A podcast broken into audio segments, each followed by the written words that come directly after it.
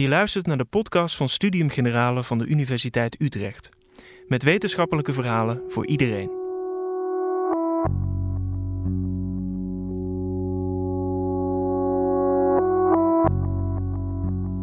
Alle patiënten zouden eigenlijk gelijke kansen op goede gezondheidszorg moeten hebben. In de praktijk is dat niet altijd het geval. Vooroordelen bij artsen, blinde vlekken bij onderzoekers en angst voor etnisch profileren dragen bij aan ongelijkheid.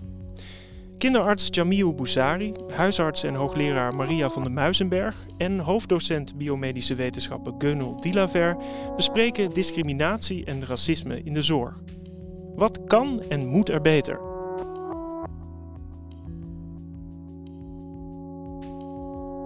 Welkom. Uh, hoe gaat het met jullie? Ik kan me voorstellen, jullie zijn de, de artsen hier, dat jullie ontzettend druk bezig zijn met uh, corona. Klopt dat, Maria? Ja, um, zowel ik, ik, mijn praktijk die bestaat vooral uit um, um, migranten die ongedocumenteerd in Nederland zijn en dakloze andere mensen. En we zien dat daar uh, zijn we heel druk bezig om weer te zorgen dat ze opvang hebben waar ze de maatregelen uh, goed kunnen navolgen. Want mensen zijn als met een slechte gezondheid en zijn best wel bezorgd dat ze erger ziek worden. En ja. ik doe nogal veel onderzoek naar uh, corona en de effecten van de maatregelen bij zeg maar allerlei verschillende sociale groepen. Precies, nou, daar, daar, gaan we het later zeker nog over, over hebben. Jamil, ook druk met de corona op Aruba of valt het eigenlijk mee? Doen ze het eigenlijk beter dan wij? nou, um ja, dat is je, je moet je, je microfoon maar dichter bij mond Oh ja, zo. Ja. ja. Ja, het is heel anders dan een infuus natuurlijk. ja. Um, ja, op Aruba, ja, ik, ik, ik, denk als ik kijk aan de kindergeneeskunde over, over het algemeen, uh, zijn we redelijk uh, gespaard gebleven met de kinderen. Uh, het is niet zo ernstig als bij de volwassenen. Dat neemt niet weg dat je moet bijspringen bij de andere afdeling waar mankracht tekort is. Dus um, daar, daar helpen we mee. En als het gaat om het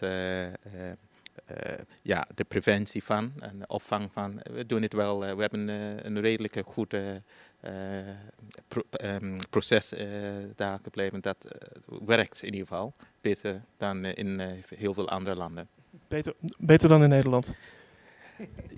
Zo, ja. Ja, oké. Okay. Uh, gevoelig puntje.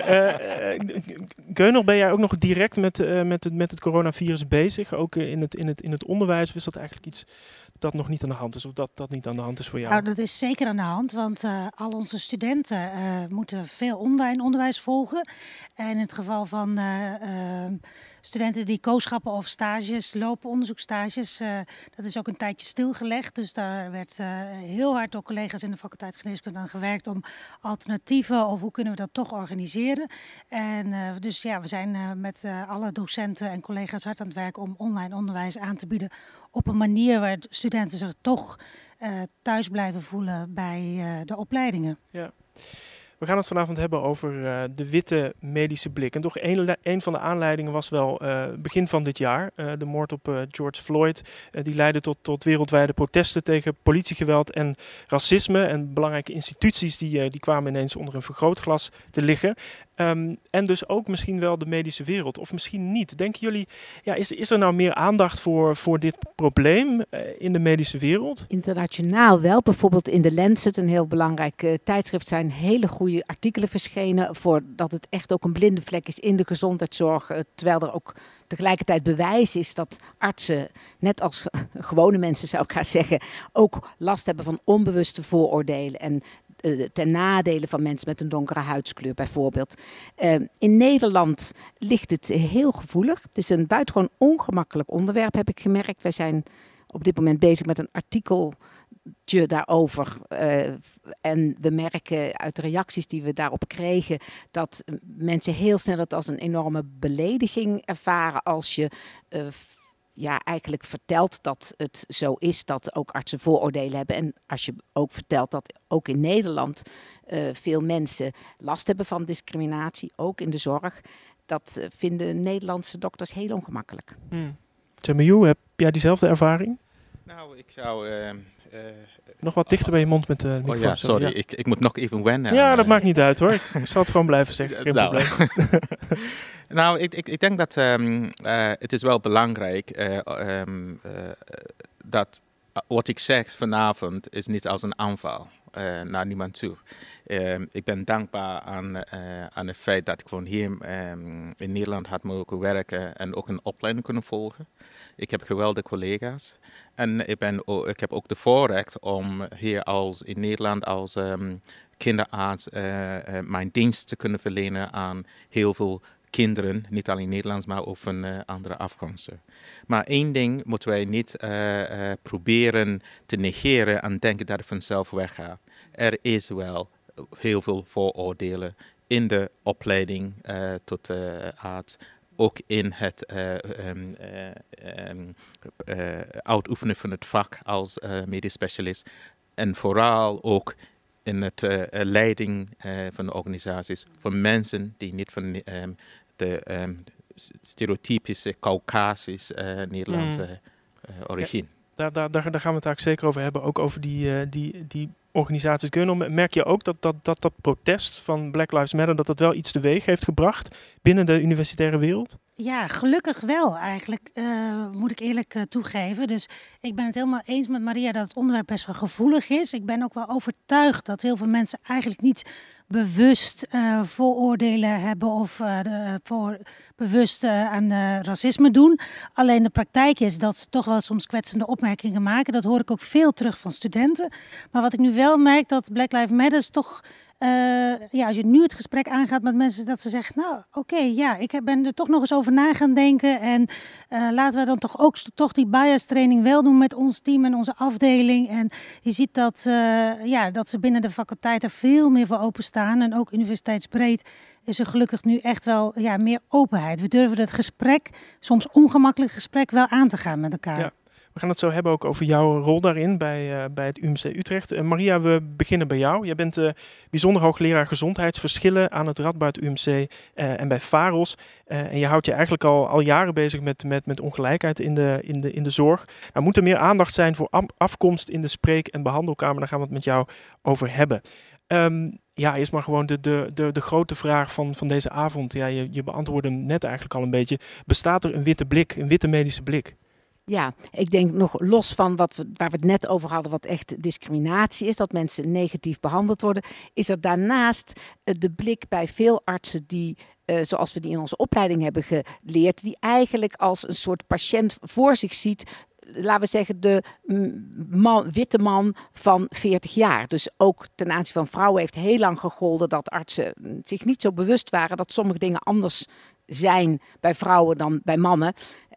En dan zien we nog sterker, toch nog steeds in de gezondheidszorg als het gaat om mensen met een migratieachtergrond of die een andere huidskleur hebben, dat uh, ja, artsen daar niet vanzelfsprekend rekening mee houden, terwijl het wel erg kan uitmaken voor eh, wat er aan de hand is of hoe je ergens het beste mee om kan gaan. Dus het is wel een relevant gegeven wat de afkomst van iemand is. Ja, laten we, laten we eens kijken naar die uh, biologie. Want er, er, klinkt inderdaad al, al een tijd uh, kritiek op het, op het onderzoek, het medische onderzoek dat uh, gedaan wordt. En dat er eigenlijk te weinig aandacht is voor verschillen. Ook tussen mannen en, en, en vrouwen. maar dus ook voor biologische verschillen tussen etnische groepen. Waarom, waarom is het zo belangrijk om, om onderzoek te doen naar die biologische verschillen? Omdat er, er biologische verschillen bestaan die relevant zijn voor de zorg. Om maar een voorbeeld te noemen, we weten dat mensen van wie hun oorsprong ligt in West-Afrika, dus dan hebben we het bijvoorbeeld over mensen uh, waarvan de voor, voor, voorouders tot slaafgemaakte in uh, Amerika of in onze Aruba bijvoorbeeld terecht zijn gekomen, die hebben een grotere kans op een ander soort hoge bloeddruk dan mensen die generaties lang uit Nederland komen. Ja op jongere leeftijd met meer bijwerkingen en je moet het ook een beetje anders behandelen. Dus dat, daarvoor maakt dat uit. Kun je, kun je eens een voorbeeld geven van eh, als, als iemand bij, bij jou met, met, met zo'n achtergrond in jouw uh, spreekkamer komt? Wat, wat, wat doe je dan? Hoe, hoe, hoe behandel je dat dan anders? Ja. Krijgt, krijgt hij andere medicijnen bijvoorbeeld? Of hoe? Ja, nou wat, wat, ik probeer me bijvoorbeeld al als ik zo iemand als nieuwe patiënt uh, zie, dan zal ik al, ook al is die bijvoorbeeld pas 25 of 30 jaar, zal ik al beginnen de bloeddruk te meten, terwijl ik dat meestal niet doe bij een, uh, iemand die uh, al twintig generaties uit Friesland komt. En als die hoge bloeddruk heeft, dan zal ik inderdaad um, ook starten met een net iets ander middel en hem wat sneller controleren. En ik zal daarnaast ook met hem, dat doe je met elke patiënt, daar verschilt het weer niet in, praten over wat zijn eigen gedachten zijn over uh, bloeddruk, wat het betekent, uh, wat hij denkt dat medicijnen zullen doen.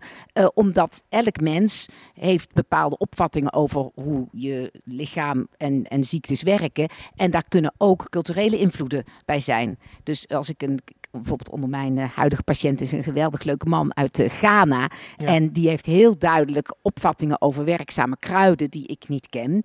En um, waar we dus het over moeten hebben. Om te kijken of die dat naast zijn pillen gebruikt of hoe die daarmee omgaat. Ja, maar je moet er in ieder geval wel open, open voor staan. Ja. Ik, ja, ik, zag jou ook knikken, uh, ja, Jamil. Okay, heel goed, heel goed. Perfect. ik, ik zeg niks hoor. Ik zeg niks. Ja, nou, um, ik heb het zelfs uh, ervaren dat uh, er zijn wel werkzame kruiden. Um, in uh, in West-Afrika zijn er bepaalde bomen die uh, bevatten. En die schijnt heel goed tegen de, de parasieten die, die malaria veroorzaakt. En je hoeft alleen maar die, die, die planten te, te, te plukken in heet water. En het is wel bitter, hè, maar het werkt. Net als heel veel andere kruiden. Die, die, dus het, het, het, het, punt is dat um, als wetenschapper ook, um, wij, moeten, wij kennen bepaalde soorten wetenschap. Er zijn andere vormen van wetenschap dat wij eigenlijk niet begrijpen. Maar dat neemt niet weg dat die uh, zijn niet valide manier van uh, dingen doen. Ja. Dus ik, ken, ik, ik weet waar mijn grenzen liggen, maar ik denk dat een van onze um, uh, de, de, fouten dat we vaker maken is um, meteen de anderen niet te willen onderzoeken van hoe het werkt, bijvoorbeeld. Ja, ik wil het nog even hebben over die, die biologische verschillen. Wat, wat, wat zijn nou de oorzaken van die, van die biologische verschillen tussen etnische groepen? Hoe Ja. komt dat? Nou, er zijn eigenlijk grofweg twee verschillende soorten verschillen. De ene zijn de genetische verschillen, waarbij het heel belangrijk is om te benadrukken dat de genetische verschillen tussen verschillende mensen uit eenzelfde etnische groep groter zijn dan die tussen groepen. Hè, vandaar dat ook het idee van rasindelingen echt niet eh, wetenschappelijk onderbouwd is. Maar toch weten we dat bijvoorbeeld het voorbeeld dat ik net gaf, of een ander voorbeeld dat mensen die generaties lang voorouders hebben rond de Middellandse Zee, die hebben een grotere kans op een bepaalde genetische aanleg voor bloedarmoede. Daar moet je dus rekening mee houden, dat is het ene. En het andere is dat ook uh, een donkere huidskleur het een effect kan hebben op bijvoorbeeld het vitamine D-gehalte in je lijf. En dat is anders dan wanneer je heel erg wit bent. En bijvoorbeeld ook het moeilijker maakt voor ons die gewend zijn aan een, aan een witte huid om bepaalde huidziekten te herkennen. Mhm. Dus ook daar maakt dus een biologisch verschil wel uit voor hoe je naar iemand kijkt. Ja, dus eigenlijk een, een, een minder witte blik is eigenlijk beter rekening kunnen houden met uh, de verschillen die je uh, Juist. ziet. Ja. Um, er, er is nu een, een discussie onder, onder artsen. Er werd een beetje over en weer geopinieerd in de, in, de, in de Volkskrant. Dat gaat over het etnisch registreren van uh, patiënten. In Nederland is dat geloof ik niet bruikbaar. Uh, moet dat eigenlijk gebeuren? Is, is maakt dat jouw werk makkelijker? Um, ja, vind ik een heel interessante vraag. Een van degenen eh, die ik zeer bewonder en die heel tegen etnisch registreren is, is Ivan Wolfers. Misschien onder oudere mensen bekend. Een, een van de eerste die in Nederland wel aandacht besteden aan vooroordelen en, en dergelijke zelf van Joodse afkomst erg tegen registreren, omdat dat natuurlijk niet goed uitpakte in de Tweede Wereldoorlog. Dus dat begrijp ik heel goed en daarom ben ik ook voorzichtig om dit te zeggen. Tegelijkertijd denk ik dat het wel jammer is dat we etniciteit niet registreren uh, in, zeg maar, in onze gebruikelijke patiëntenregistraties, waardoor het heel moeilijk is om onderzoek te doen naar die verschillen. En bijvoorbeeld allerlei verschillen in uitkomsten van zorg die we kennen uit andere landen, um, die aanleiding zouden kunnen zijn om die zorg te verbeteren, daar is het moeilijker voor in Nederland om daar goed achter te komen. Ja. Op individueel niveau natuurlijk als patiënt van je eigen patiënten kan je het natuurlijk altijd wel registreren, hè, schrijf ik het gewoon altijd ergens op. Maar dus het is niet zo dat in, in grote registraties dat makkelijker uit te halen is. Nee, maar, maar, maar het, het risico is dus, en dat, dat, dat zeggen die, die critici, die, die zeggen je gaat te veel nadruk leggen op etniciteit. En heel, heel, heel plat gezegd, dan, dan ga je een, een, een kleurtje plakken op, op bepaalde klachten. Ja. Uh, terwijl er ook allerlei andere niet-biologische oorzaken kunnen, kunnen zijn van, van een probleem. Klopt. En die verlies je dan uit het, uit het oog. Daar moet je natuurlijk heel erg voor oppassen. Dat is inderdaad ontzettend waar.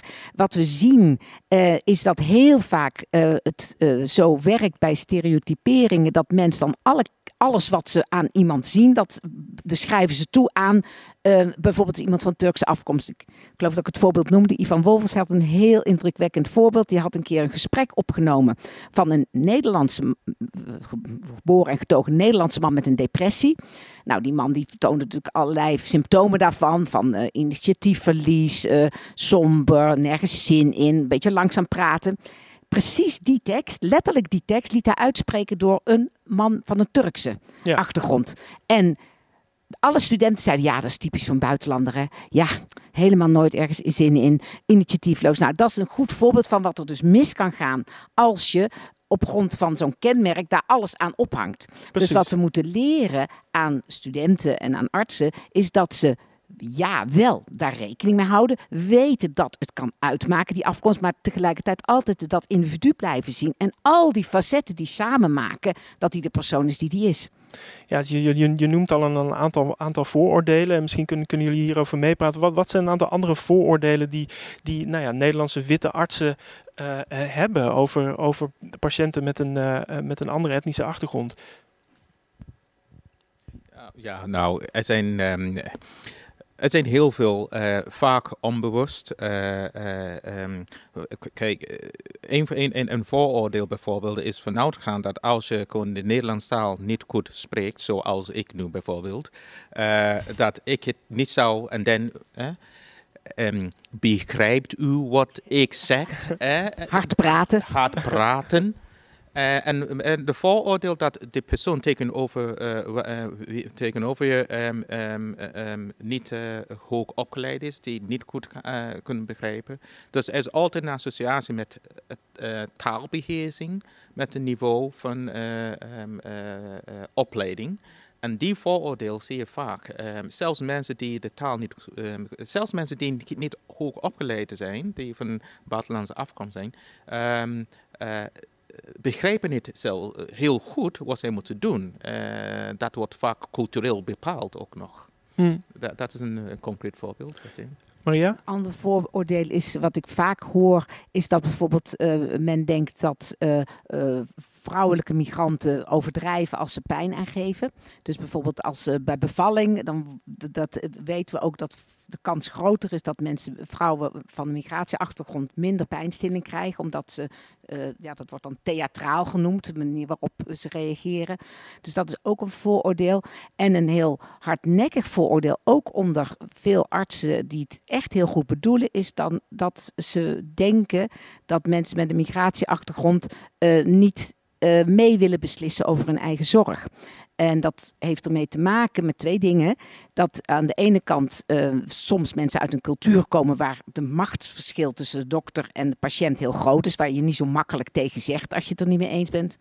Maar het andere is ook dat heel vaak alles wat dokters uitleggen gewoon veel te ingewikkeld is voor iedereen, maar ook bijvoorbeeld als je uh, inderdaad als je laag opgeleid bent, uh, weinig kans hebt gehad om naar school te gaan, dan is het natuurlijk heel moeilijk om mee te beslissen. Maar mijn ervaring en overtuiging is, is dat elk mens het beste in staat is om mee te bedenken wat voor hem goede of haar goede zorg is. En dat dat net zo goed geldt voor mensen met een migratieachtergrond. En dat die uitstekend ideeën hebben over wat wel of niet goed toepasbaar is in hun leven. Mag ik een, een, een kleine uh, wending brengen aan uh, elke mens is in staat om Um, uh, mensen vanuit migratieachtergrond uh, uh, hebben een bepaalde cultureel um, you know, manier van omgaan met elkaar. Um, er wordt niet zo vaak getutoreerd zoals hier in Nederland. Hmm. En er is respect van degene die misschien hoger opgeleid of ouder is dan de andere. Dat betekent dat ze zijn niet gewend van jong af om assertief te zijn op bepaalde dingen. Dat neemt niet weg dat ze niet weten wat ze moeten doen. En vanuit, als ik kijk vanuit onze referentiekader hier in Nederland, waar we vanuit gaan dat iedereen zou initiatief moeten tonen, dan doen wij uh, systematisch heel veel mensen tekort. Dus een van de dingen dat ik vaak doe, doordat door, door um, uh, een, een, andere achtergrond heb, alhoewel ik ben niet in Afrika geboren, uh, dat moet ik ook bij zeggen, maar ben uh, daar geweest, is om, um, soms moet je mensen helpen. Je moet een advocate zijn, je moet uh, een spreekbuis zijn voor mensen en niet altijd aan hen overlaten. Dus ik denk dat dat is ook een beetje een shift in, in denkwijze. Helemaal, ben ik helemaal met je eens.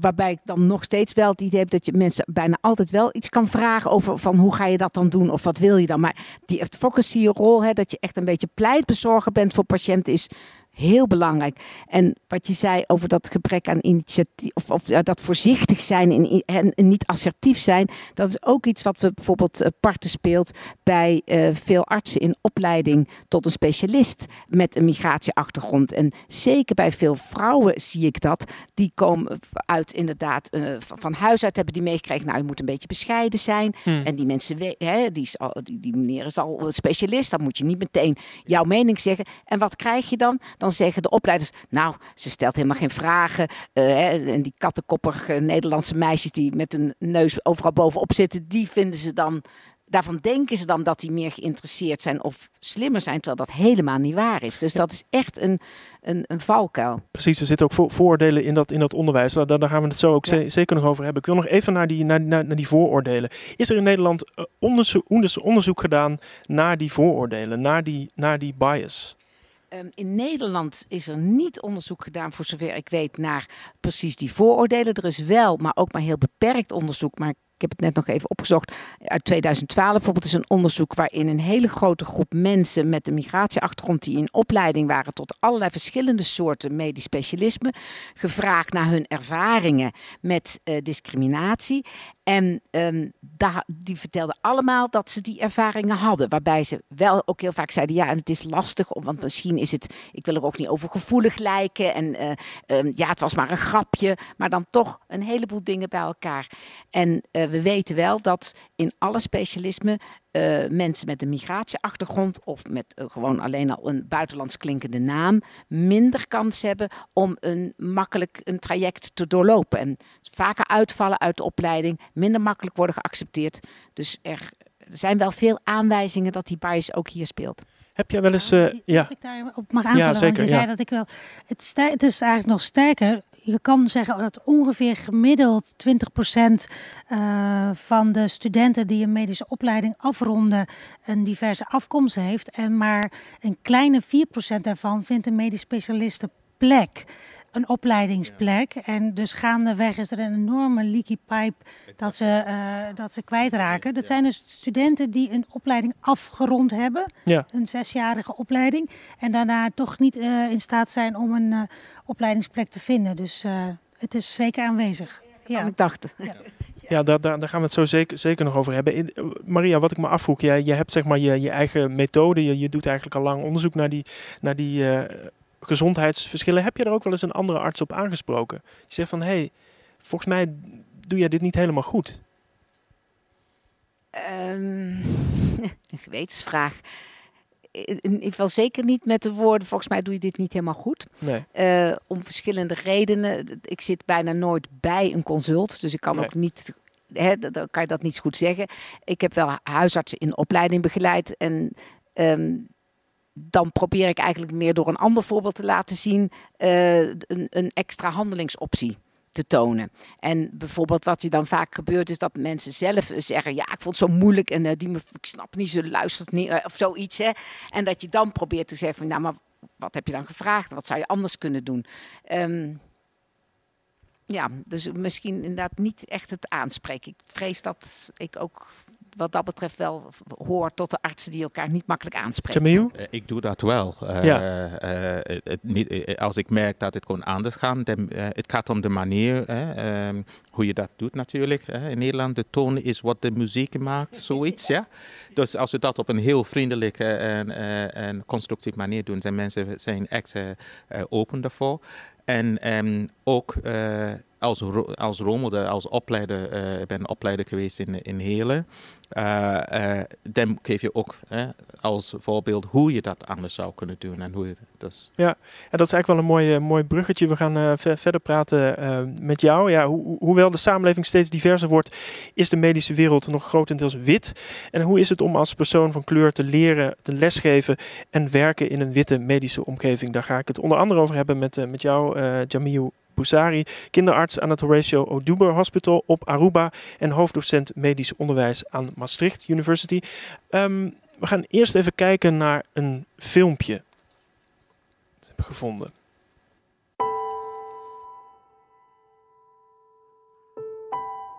We just want to take care of people.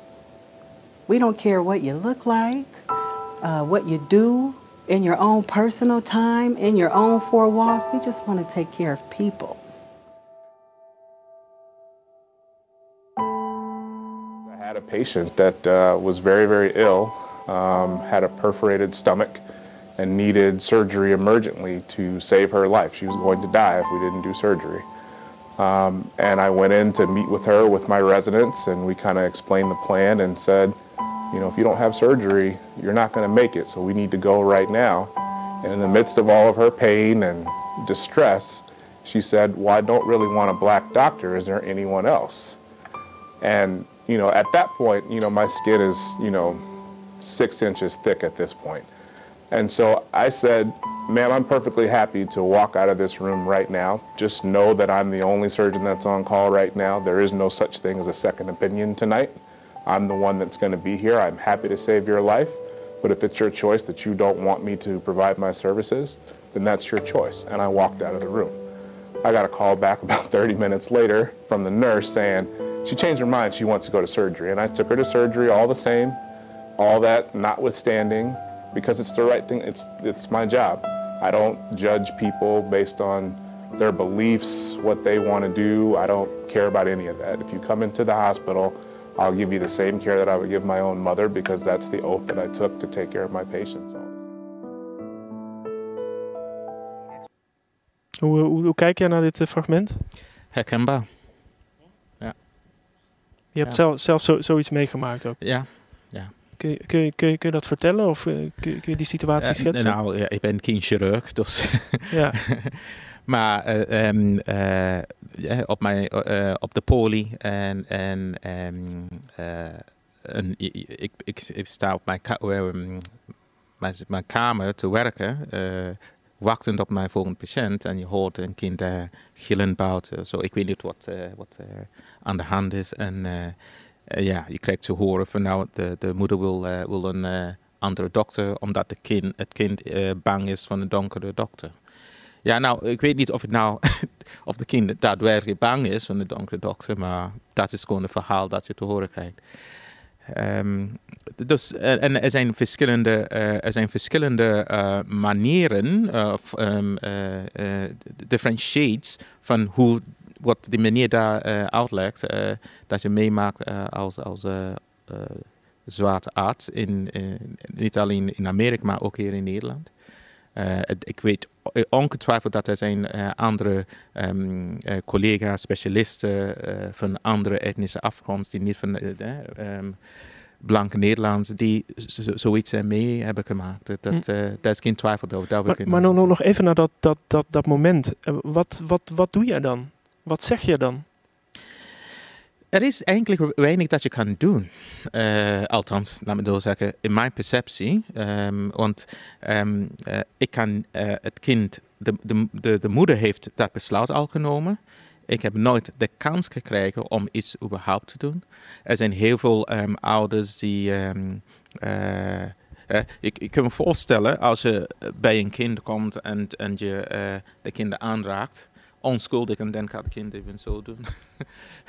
Eh, of ouders die eh, ehm, eh, gewoon hun kind onbewust toch afschermen van, van jou als arts.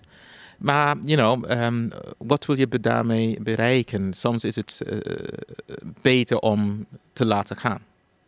Hm. Ja. En, want we, we hebben het natuurlijk nu over patiënten eh, die, die bepaalde voor, vooroordelen eh, hebben. Ehm, en hoe, hoe, zit het in de, in, de, in, de, in de werkomgeving? Artsen onderling. Ehm, heb je dan ook wel eens meegemaakt dat een, een collega-arts je minder serieus neemt? Kijk, dit is, dit is een, een hele lastige vraag, omdat, ehm, eh, en dit is een voorbeeld dat ik kon gebruiken om dit te verduidelijken. Als ik hier vandaag zit, ik heb meerdere gesprekken gehad met collega's, eh, van nou, eh, wij als uh, artsen van andere etnische afkomst worden gediscrimineerd, impliciet of expliciet. We hebben microaggressions, hè, kleine opmerking over kleur en dat soort dingen. En, en vaak krijg je, het wordt ontkend of in Nederlands gebagatelliseerd, zeggen ze dan. Maar de voorbeeld dat ik gewoon gebruik is simpel. Als, je in, um, als jij bijvoorbeeld een kamer binnenkomt bij een totale vreemde, je, je herkent of je welkom bent in dat kamer of niet, zonder een woord uh, uitgesproken te, te, te zijn. En dat is, dat is het voor ons. Mensen zoals mij, ik heb een antenne moeten ontwikkelen over de jaren heen, dat ik kon snel kon vangen of ik nou welkom ben ergens of niet. En uh, bij mijn mede-collega's, ik weet wel dat het gewoon gebeurt. Ik heb het gewoon impliciet als expliciete uh, um, gedragingen gezien. Waarvan ik denk van nou ja, dan vraag ik me af van nou, stel, en dat zeg ik soms letterlijk, als ik blank was geweest, had je op deze manier met mij omgegaan. Maar goed, ik kan het niet keihard bewijzen. Dat is jammer. Dat is het lastige.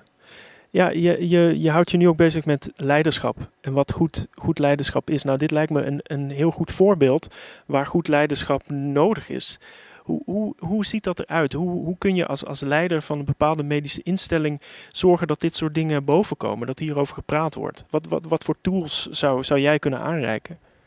Nou, ik, ik denk dat de, um, als je de, de literatuur um, oppakt, dan zie je dat um, diversiteit, uh, organisaties waar diversiteit uh, uh, te vinden is, ze, ze zijn meer productief. de kwaliteit van wat het ook is, niet alleen de gezondheidszorg, maar de, de, van hun product veel beter is. We moet, wat we moeten beseffen is dat uh, door die vooroordelen dat we hebben, wij uh, ontnemen heel veel mensen met kwaliteit uh, de mogelijkheid om bij te dragen. Dat is één, maar dat is ook een verlies van de, een, van, van de maatschappij als een geheel. Wat zouden we moeten doen? Um, ik denk dat mensen moeten um, um, getraind worden op een impl impliciete bias, als een, een leuke Harvard-test, IAT. Uh, uh, waar mensen kon, kunnen kijken. Ik heb ik ook zelf gedaan, moet ik wel zeggen. Mm -hmm. En ik, ik, was, uh, ik ben helemaal verbaasd dat ik ook zelfs impliciet vooroordelen heb op mensen van mijn eigen ras. ja, dat is waar, hè? Ja. Dus ja, dus ik, ben, ik merk dat ook. Uh, dus, dus, en, um, maar het is niet, ik, ik voel me daardoor niet een slechte persoon, maar het is gewoon een blinde vlek dat we allemaal hebben. Uh, uh, de toegang tot die blinde vlek is, zou echt een enorm verschil maken. En dat is dus ook een, eigenlijk een, een manier om het, om, het, om het bespreekbaar te maken. Eerst erachter, eerst erachter te komen waar je eigenlijk blinde vlekken zit. En het dan het met z'n allen erover hebben, lijkt me. Ja, maar ook dat we ook moeten realiseren. Ik denk dat moeten we afstappen uh, kijk, ik kan dit kon ik uh, makkelijk zeggen. We moeten accepteren dat in Nederland er is discriminatie. Net als overal in de wereld. Laten, laten we dat accepteren. Ja. Van nou, er is discriminatie. En dan kunnen we verder met die dialoog. Ja. Blijven ontkennen, we helpen elkaar niet. Het is gewoon... Ehm, Oké, okay. nou, het moment dat we het daarover eens zijn, van nou, er is discriminatie, nou, wat kunnen wij dan doen uh, om dat, uh, uh, om dat you know, helemaal wegnemen kan je niet, maar dat het gewoon minder wordt, zodat um, minderheden in, in onze samenleving kunnen bijdragen tot een hoge kwaliteit product. Ja. ja, en ik denk dat die, die dialogen moeten we nu gaan starten. Ja. In, een, in een eerder gesprek dat, dat, eh, dat, dat wij hadden, zei je. Um, die witte medische blik, dan moet je eigenlijk dat, dat witte, dat moet je metaforisch oppakken. Hoe, leg dat eens uit. Nou uh, ja, um, het is niet zo witte voor nou qua kleur, maar het is wel. Uh, ik denk dat de, de, de, de, witte medische blik is gewoon in mijn ogen, het is privilege. Um, en het is, je kunt vanuit gaan dat um, um, de witte arten um, de, dezelfde uh, verschijnsel dat ze hebben tegen uh, mensen van een andere etnische afkomst, hebben zij ook tegenover mensen die um, van lage socio-economic status hebben. De, de, of ben je niet slim of vooroordeel. Je, ja. Het is dezelfde verschijnsel dat je ziet. ik heb in, in Limburg gewerkt, waar um, ja, mensen hebben niet zo goed als uh, hier in de Randstad waarschijnlijk. Um, en ik heb mijn eigen collega's uh, dingen zeggen, dingen doen tegenover mensen die net zo belangrijk als, uh, als zij zijn. Maar het verschil dan in zo'n situatie is dat zij um, een andere sociaal-economische status hebben of ze zijn um, door ze komen uit broken relationship styles en dat zetten in de achterstand. Toegang tot mogelijkheden, tot opportunities, dat is vaak het probleem. En mhm. dan loop je in de achterstand op en dan de privilege. we zeggen iedereen, um, everybody is equal. Maar ik zou één ding zeggen. De moment dat je geboren bent, is een verschil als ik gewoon um, um, um, uh, de, de, de, het kind, een kind van de, de koning van Nederland ben, als ik een, een kind van uh, uh, een gewone Limburgse persoon. Mhm. Het is niet zo. En de opportunities dat je krijgt in vervolg is niet hetzelfde. Ja. En dat is bepalend, privilege. Ja, en, en ja, Maria? Ja, ik wou dat alleen maar van harte ondersteunen. Want we zien natuurlijk dat uh, precies diezelfde verschillen spelen. Inderdaad, mensen met weinig geld, mensen met weinig opleiding, mensen in, uh, met meerdere sociale problemen hebben ook te maken met die gezondheidsachterstanden en worden inderdaad, dat herken ik ook enorm. Uh, ja, daar wordt echt naar over gepraat vaak. Mhm. Door collega's in de koffiekamer. Daar zeg ik wel iets van trouwens. Misschien is dit ook even een, een, mooi moment om even een uitstapje te maken naar de coronacrisis die we, die we nu hebben. Want je, je, je zegt ook mensen met een uh, sociaal-economische achterstand, die hebben ook een gezondheidsachterstand. nou werd er laatst uh, um, bericht, dat was geloof ik het hoofd van uh, uh, VU-UMC, die zei wij zien dat mensen met een migratieachtergrond, achtergrond dat daar nou ja, meer gevallen, heftigere gevallen van COVID-19 zijn. Jij hebt daar in de Volkskrant ook over geschreven, of je, je werd erover geïnterviewd. Hoe, hoe kijk jij naar zo'n bericht? Ja, um, ik kijk naar zo'n bericht uh, dat het me niet verbaast. Ik denk dat het, hoewel dit het geluid van één IC was, maar ik denk dat het zeker geldt voor de IC's in grote steden. Wat ik natuurlijk treurig vind, is dat het meteen aanleiding is voor uh, nare, generaliserende opmerkingen, die jammer genoeg ook uh, echt berust op een gebrek aan kennis. Ja. we hebben namelijk echt uitgebreid onderzocht uh, wat mensen met een migratieachtergrond in Nederland vinden van de maatregelen en hoe gemotiveerd ze zijn om die na te leven. En daar bleek juist uit dat ze eerder strenger die maatregelen na wilden leven dan dat ze er laks mee waren. Maar mensen uh, hebben veel vaker uh, leefomstandigheden waarin ze niet in staat zijn om de maatregelen na te volgen. En ze hebben vaker door ongunstige leefomstandigheden al, al veel langer meer onderliggende ziektes zoals suikerziekte of overgewicht, waardoor ook de ernst van de ziekte veel groter is. Dus ze hebben en een groter risico om besmet te raken. En als ze besmet zijn, hebben ze een groter risico om ernstig ziek te worden. Dus dat is jammer genoeg heel begrijpelijk dat je dan ziet dat mensen met een migratieachtergrond, althans met name degene die ook, ook weinig inkomen hebben, zeg maar de eerste generatie uh, mensen die als gastarbeider naar Nederland kwamen, die hebben een slechte gezondheid. En daar is inderdaad die kans groter dat ze op de IC belanden. Maar, ik wil gewoon echt, um, uh, ik wil niet alleen maar focussen op mensen met een migratieachterstand. Er zijn Nederlanders in de, in, in, uh, in, in, die het niet goed hebben qua, en die ook uh, dezelfde problemen hebben als iemand net vanuit ja, uh, Klopt hoor, want dat is ook iets we hebben uitgezocht inderdaad dat in achterstandswijken, om dan maar eventjes te generaliseren naar postcodes, waar ook geldt dat die mensen echt wel weten wat de maatregelen zijn, juist heel bezorgd zijn. Dus het is niet zo dat die mensen als groep veel minder gemotiveerd zouden zijn dan andere mensen, maar er komen veel meer infecties voor. Ja. Want dat is inderdaad, uh, als uh, maar 9% van de mensen in de laagst betaalde banen kan thuiswerken, terwijl zeg maar ons soort mensen, uh, behalve dan in de zorg, maar hè, je kan je makkelijk thuiswerken. Dus dat heeft inderdaad met sociaal-economische positie te maken. En migratieachtergrond is dan nog wel een extra factor waar waarschijnlijk ook discriminatie een rol bij speelt. Ja, dus als je het hebt over die, die, die witte medische blik, dan, uh, dan zeg jij eigenlijk, Jamiu, dat, dat is de geprivilegeerde blik. En dat is een, een blik uh, die een hele hoop niet ziet. Ja. en het moet wel een disclaimer I'm also privileged. Um, en ik ben bewust van het feit dat ik gewoon als een, als een zwarte uh, persoon, waar ik eigenlijk uh, overigens trots op ben, dat mijn situatie kan ik niet gewoon één op één ver, you know, vertalen of vergelijken met iemand anders die zwaar is. dus ik denk dat de mensen die nu vanavond luisteren aan dit conversatie, dat ze niet denken dat dit een aanval is op een bepaalde groep. Nee, het geldt voor ons allemaal. We zijn allemaal geprivilegeerd. We allemaal, we we're all privileged. Waar het om gaat, uiteindelijk, is het, dat we erkennen dat we die privilege hebben. En wat doen we dan met die privilege? Ik als persoon, als arts, wetend dat ik gewoon in zo'n positie ben, ik gebruik mijn privilege om jongere um, artsen van mijn etnische afkomst, of die minder hebben, om te zien dat het mogelijk is om succesvol te zijn in een vak, om hen te helpen navigeren al die, de, de, de, de, de vooroordelen dat ze kunnen meemaken. Ik gebruik mijn privilege als kinderarts in hele mensen die het moeilijk zouden hebben om met een normale witte dokter uh, of de Nederlandse dokter uh, te communiceren. Ik luister heel anders.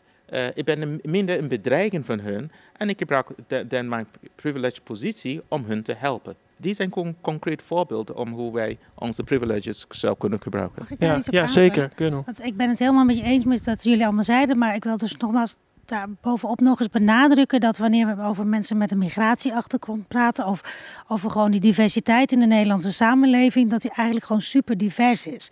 En daarmee bedoelen we dat eigenlijk als je bijvoorbeeld kijkt naar mensen met een Turkse uh, migratieverleden. dan heb je eerste generatie migranten, tweede generatie migranten, derde generatie migranten. Daar zitten hoogopgeleide uh, tweede generatie migranten bij. Er zitten uh, de, de middenmoot in. Daar zitten uh, migranten bij die helaas niet de kans hebben gehad. of niet de kans hebben kunnen benutten om een opleiding te volgen. Dus daar zit enorme diversiteit in die diversiteit. Ja. En ik denk dat je als arts daar straks ook enorm bewust moet zijn. Dat je, daar heb je misschien wel een, een migrant in je spreekkamer. maar die diversiteit daarin kan heel erg verschillen. Dus ja, dat je toch eerst goed checkt wie heb ik in de spreekkamer.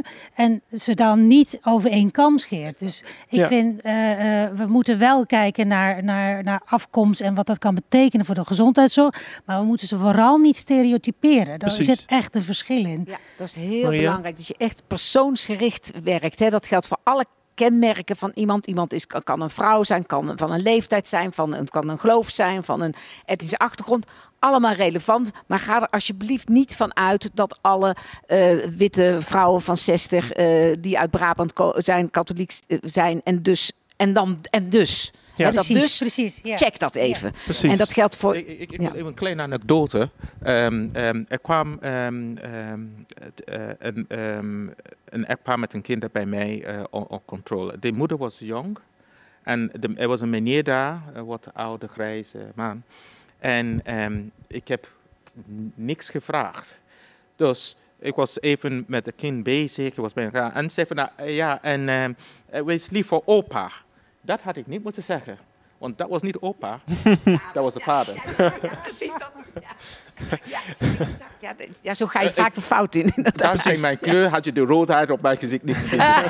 Dat is weer een voordeel. Een voordeel. Ja, maar wat jij zegt, de Geunel, je moet niet te veel van die groep uitgaan en al die ideeën die je daarbij hebt. Want het wordt al snel, iemand hoort bij deze groep in mijn hoofd. Dus deze persoon moet ik op deze manier uh, behandelen. Jij zegt, kijk naar die diversiteit in die groep. Die is zoveel groter dat je eigenlijk bijna niet van een groep kan spreken. Nou, ik, ik kan er nog een andere grappige anekdote. Onlangs vertelde een, een, een, een student geneeskunde mij. zij was Turkse van afkomst.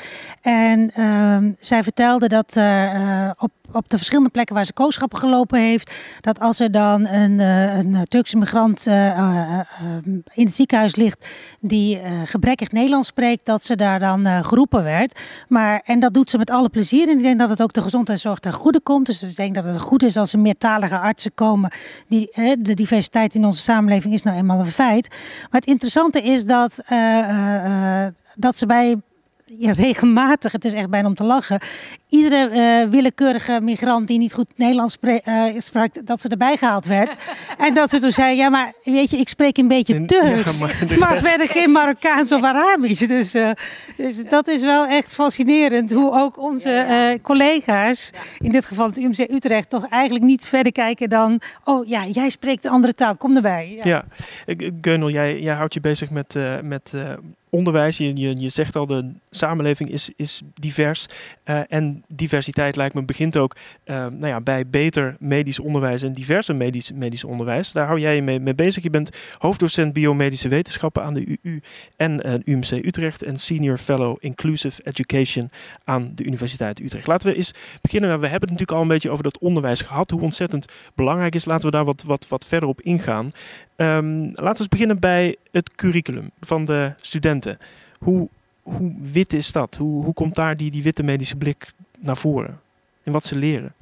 Um, nou, uh, ik denk dat hij nog. Uh, um, dat we daar nog wel winst in kunnen maken. Dus, uh, en dat is ook wel iets waar we nu mee bezig zijn. Um, uh, we zijn samen met uh, collega's aan het kijken om het curriculum te gaan scannen.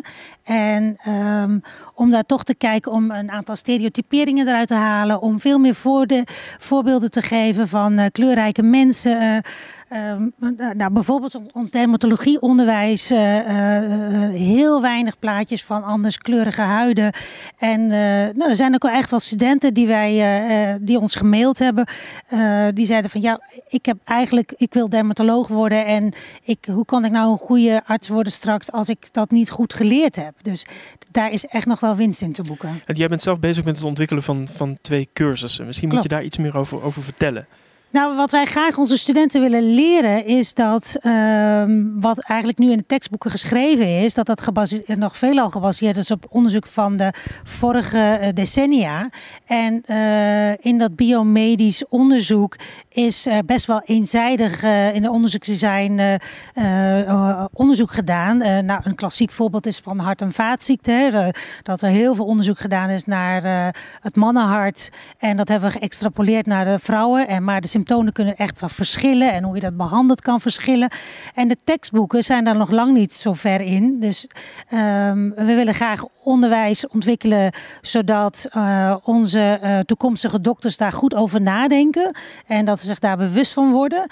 En tegelijkertijd willen we onderzoek, onderwijs ontwikkelen voor toekomstige opbiomedische onderzoekers. Dat als zij straks uh, de nieuwe generatie onderzoekers worden, dat ze dat in een onderzoeksdesign goed over nadenken. Man-vrouw verdeling, seks en gender, intersectionaliteit. Uh, dus dat je niet echt raciale onderzoeken gaat doen van oh we doen het bij zwarte en bij witte. Maar dat je dan eigenlijk je populatie en je steekproef uh, zorgt dat je gewoon verschillende groepen mensen er per definitie bij hebt. En ja.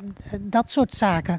En ik ben overtuigd dat we dat in het onderwijs moeten verankeren om de nieuwe generatie onderzoekers en artsen dat mee te geven. Dus je, je leert eigenlijk ook die, die studenten nou ja, uh, kennis maken met hun eigen vooroordelen? Eigenlijk wel, ja. Ja, en dat is, dat is dat wat, wat wij trachten te doen is. Uh, uh, ja, ze op die manier bewust te maken dat het gewoon noodzakelijk is. Hè? De, uh, kijk, eigenlijk is het sowieso vanuit een soort rechtvaardigheidsprincipe al belangrijk dat we daar allemaal bij stilstaan om verschillende redenen. Maar het is daarnaast ook gewoon een, gewoon een pure noodzaak. Dat we als dokter of als onderzoeker daar goed over nadenken. Hoe, hoe, hoe, zit het met het percentage studenten met een migratieachtergrond bij UMC Utrecht? Um, dat is in de volledige diversiteit zo ongeveer 10% bij de faculteit geneeskunde. Ben je, ben je daar tevreden mee? Nee, dat mag, ik denk dat richting 20% zou rechtvaardig zijn. ja. ja. ja. Ja, ja, het is maar de helft van de, het percentage in de Nederlandse bevolking. Dus ja, ja in Utrecht staan we in de van de Randstadgemeente. Uh, hebben we in Utrecht nog wel uh, winst te boeken in uh, dat we iets meer diversiteit zouden ja, en, als, als, als, als ik maar toevoegen, um, je hebt het over de leaky pipeline. Dat, dat is een, um, uh, als we kijken aan de aantal... Ja, misschien moet, moet, moeten we dat even, even, even terugnemen inderdaad en dat even, even, even uitleggen. Hoe, hoe zat het ook alweer met die, met die leaky nou, pipeline? De, de, de, de leaky pipeline is gewoon, uh, het is gewoon een buis waar je begint uh, met een, um, een groot aantal, neem bijvoorbeeld uh, met um, honderden uh, leerlingen aan het begin. Ja. Helemaal enthousiast, vol van energie, een mooie toekomst. Dan ze beginnen de opleiding en dan begint het bij de eerste toets. Um, wordt een, um, wordt, een groot aantal um, afgevallen omdat zij gewoon misschien niet voldoet aan bepaalde eis. Dus bijna 50% van die 100 is afgevallen, voor welke reden dan ook. En vaak gerelateerd aan de nadeel. Hè.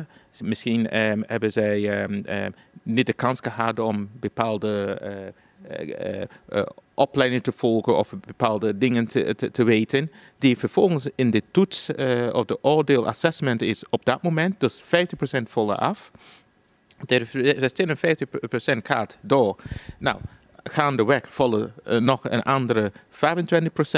Aan het eind, dus in dat heel buis, door verschillende toetsen die dat zij niet um, kunnen voldoen, die gerelateerd is aan het feit dat zij hadden de kansen niet gehad aan het begin, kom, kom je aan het eind van misschien 10% van die groep die gewoon uiteindelijk aan de eindbestemming. En dan moet je afvragen, de mensen die klaar zijn met de opleiding, hoe gaat het nou, uh, wat gaat er gebeuren als zij medisch specialisten of uh, hoogleraar of zoiets willen worden? En um, dat leaky pipeline fenomeen verklaart ook, als we kijken aan het aantal hoogleraar of um, mensen van migratie um, of universitaire hoofddocenten in Nederland, dan het is schrijnend omdat dit die aantal laag is. Ik denk dat als we zeggen 5%, dan ben je heel genereus zijn. En en we hebben het hier over studenten van kleur, toch? Ja. ja. dan wil ik gewoon alles van met een ja, migratieachtergrond. Ja, ja, precies. Want jij, jij had het over 6% eh, die dan uiteindelijk maar overblijft. Wat, wat was...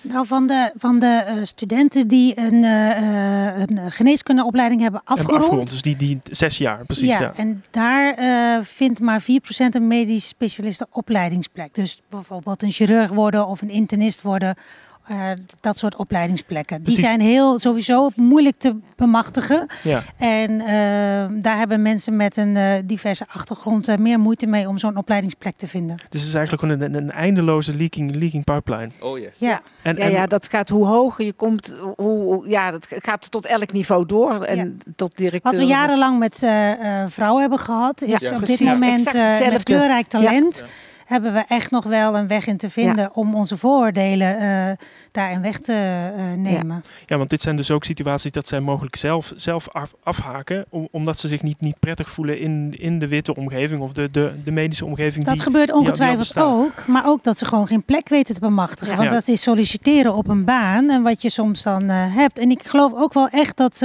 ik heb een aantal opleiders gesproken en dat zijn allemaal echt gewoon mensen die ook best wel hard voor de zaak hebben. Die zeggen, oh ja, maar ze zijn er ook niet en ik kan ze niet vinden. Oh, nee. En als ze dan vinden, dan, hebben, dan is dat cv van... Uh, nou, ik noem het maar Roderick, uh, echt ook veel beter. En als je dan samen met ze doorpraat en dan zegt van ja, maar als je die cv's nou niet be, uh, beoordeelt op gelijkheid, maar gelijkwaardigheid.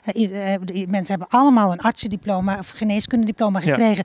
Dus ze zijn eigenlijk gewoon gekwalificeerd. Maar dan kijken we naar de additionele dingen als ultieme voorbereiding naar de chirurgopleiding. Dat zo'n student alle kans heeft gehad om extra stages te lopen, de, de, de summer school en, en, en, en uh, heeft misschien een netwerk. En uh, ja, Utrecht heeft ook de grootste percentage tweede generatie studenten. Dat betekent dat uh, ruim 70% van onze studenten hebben al een vader of een moeder die een academische ja. opleiding hebben gehad. Ja. Die kunnen dus ook heel voordelen die daarbij alle voordelen horen. heel goed uitleggen wat de do's en de don'ts zijn. Goede adviezen geven, netwerk opbouwen. Van dezelfde en, clubjes lid geweest zijn. Het is natuurlijk echt heel In dat netwerk zit ook heel veel.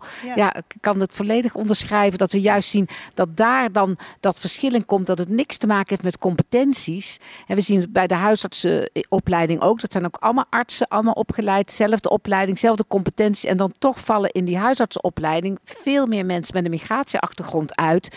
En we zijn nu aan het onderzoeken waar het allemaal precies mee te maken heeft. Maar de eerste aanwijzingen zijn inderdaad met ja, heel diverse eh, redenen waarom ze dan toch minder goed worden gevonden. En dat ja, die niet te maken hebben met dat ze ook minder goede dokter zouden zijn. Ja, ja Jamil? Ja, ik, ik denk, een van de dingen, uh, kijk, corona um, uh, en, en wat gebeurt met de meneer Floyd, treurig als het is, er zijn wel um, wat positieve dingen die daaruit zijn gekomen. En ik ben juist blij. Vroeger zou ik niet op deze podium. ik ben speciaal hiervoor teruggekomen, omdat ik denk van eindelijk een kans hmm. um, uh, om iets hierover te zeggen. En uh, ik ben uh, in Nederland meer dan 20 jaar geleden. En ik, ik, ben, ik ben eigenlijk uh, stil gebleven, omdat als je iets zegt, dan word je de angry black man.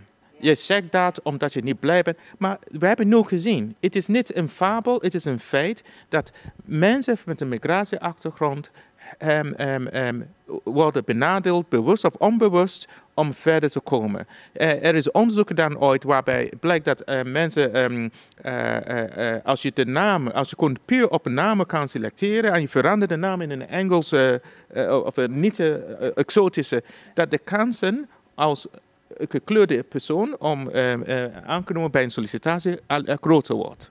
Ja. Dus de vooroordelen zijn er wel. Nee, die zijn er. Wij uh, doen uh, onderzoek uh, zowel onder onze studenten. talloze voorbeelden kan ik inderdaad geven. Dat zijn allemaal. Ja, sommigen zijn onbewust, sommigen zijn heel erg bewust van... goh, kan jij de koffie halen? Dat zijn jullie toch gewend? Of jij bent vrouw en allochtoon, dus dan moet je drie keer zo hard werken om je te bewijzen. Of uh, nou ja, een student die vertelde me tijdens de operatie had ze uh, dat zo'n ja, ze zegt ja, ik was vol concentratie kooschap bij chirurgie. Uh, ja, ja, van waar kom je vandaan en zijn je ouders ook Erdogan-stemmers en dat soort hele ongemakkelijke gesprekken waar je toch geïntimideerd door wordt en je toch net even iets onzekerder gaat voelen, draagt allemaal bij of je je thuis voelt en je hebt je thuis voelen en, en, en, en erbij mogen horen. Draagt enorm aan je zelfvertrouwen en het durven. Dus dat maakt je kwetsbaar, zeg maar, ook in je prestatie. Dus dat zijn ook nog, dus je moet ook echt goed sterk in je schoenen staan om toch tegen al die kleine microagressies die het zijn, of ze nou bewust of onbewust zijn, om dat goed te doorstaan. Dus ja, dat helpt niet in de leaky pipeline. Nee. Um, dus dat is aan de ene kant. Dus ja, daar, daar moeten studenten ook aan werken om daar toch nog meer resilient in te worden. En tegelijkertijd is het ook de organisatie en de staf en de dokters en de docenten die die we toch wakker moeten maken met van hé, hey, eh, misschien bedoel je het niet altijd zo, maar toch eh, kan het wel kwetsend zijn. En kan je dan jonge, kwetsbare mensen die nog aan het begin van hun carrière staan, toch een moeilijk maken. Dus dat is echt een, een uh, ja, iets waar we nu als UMC Utrecht ook enorm op inzetten. We hebben een bias training ontwikkeld die een halve dag duurt. Waarin we met z'n allen en ook het Raad van Bestuur heeft gezegd dat er zoveel mogelijk van onze docenten en opleiders die moeten gaan volgen. En uh, daar ben ik wel echt trots op. Dat we daar nu een soort organisatie, ja, hopelijk daar een beetje cultuurverandering in kunnen gaan maken. Ja, ik, ik, geef je een ongevraagde tip. Maak het um, dat um, de promotie van de, de, de, de, docenten, dat onderdeel van um, diversiteitskennis, onderdeel van hun evaluatie is. Dus laat het niet vrijblijvend. Dat, nee, men moet dat is nodig. Ja. ja. En, en, en de, de organisatie moet duidelijk zijn vind nou dat mensen bewust daarmee omgaan. Ja, nou, het is nu een van de prestatieindicatoren geworden. Dus uh, afdelingen moeten verplicht zoveel percentage van uh, hun docenten en opleiders het hebben. Laten. Dus ja, het is natuurlijk, ja, dat verplichten is één ding. Ik ben daar ambivalent over. Maar het kan wel net een extra zetje zijn om mensen toch. Want ik heb wel heb een aantal van die trainingen gedaan. En mensen zeggen: Jeetje, ik, ik had niet zo in de gaten dat ik zelf, hè, wat je dat jullie ook aangaven. Um, de meeste mensen staan er echt wel. Ik ben positief uh, op zich in de zin van dat, dat mensen wel bereid zijn. En Black Lives Matter heeft daar echt wel in geholpen. Om daar toch iets verder in te kijken. We zijn er nog lang niet. Nee. Maar we moeten het wel proberen. Hebben jullie ook hoop?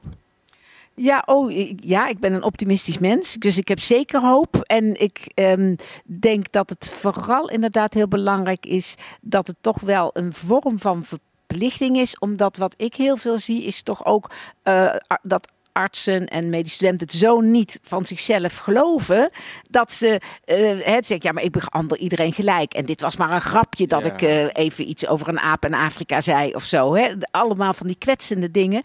Dus ik denk dat het goed is. En ik ben er zelf ook erg van overtuigd als je inderdaad zo'n een conscious bias test doet. Die heb ik inderdaad zelf ook genomen. En dan blijkt je allerlei vooroordelen over van allerlei, ja, zeg maar over vrouwen, mannen, leeftijd uh, te hebben.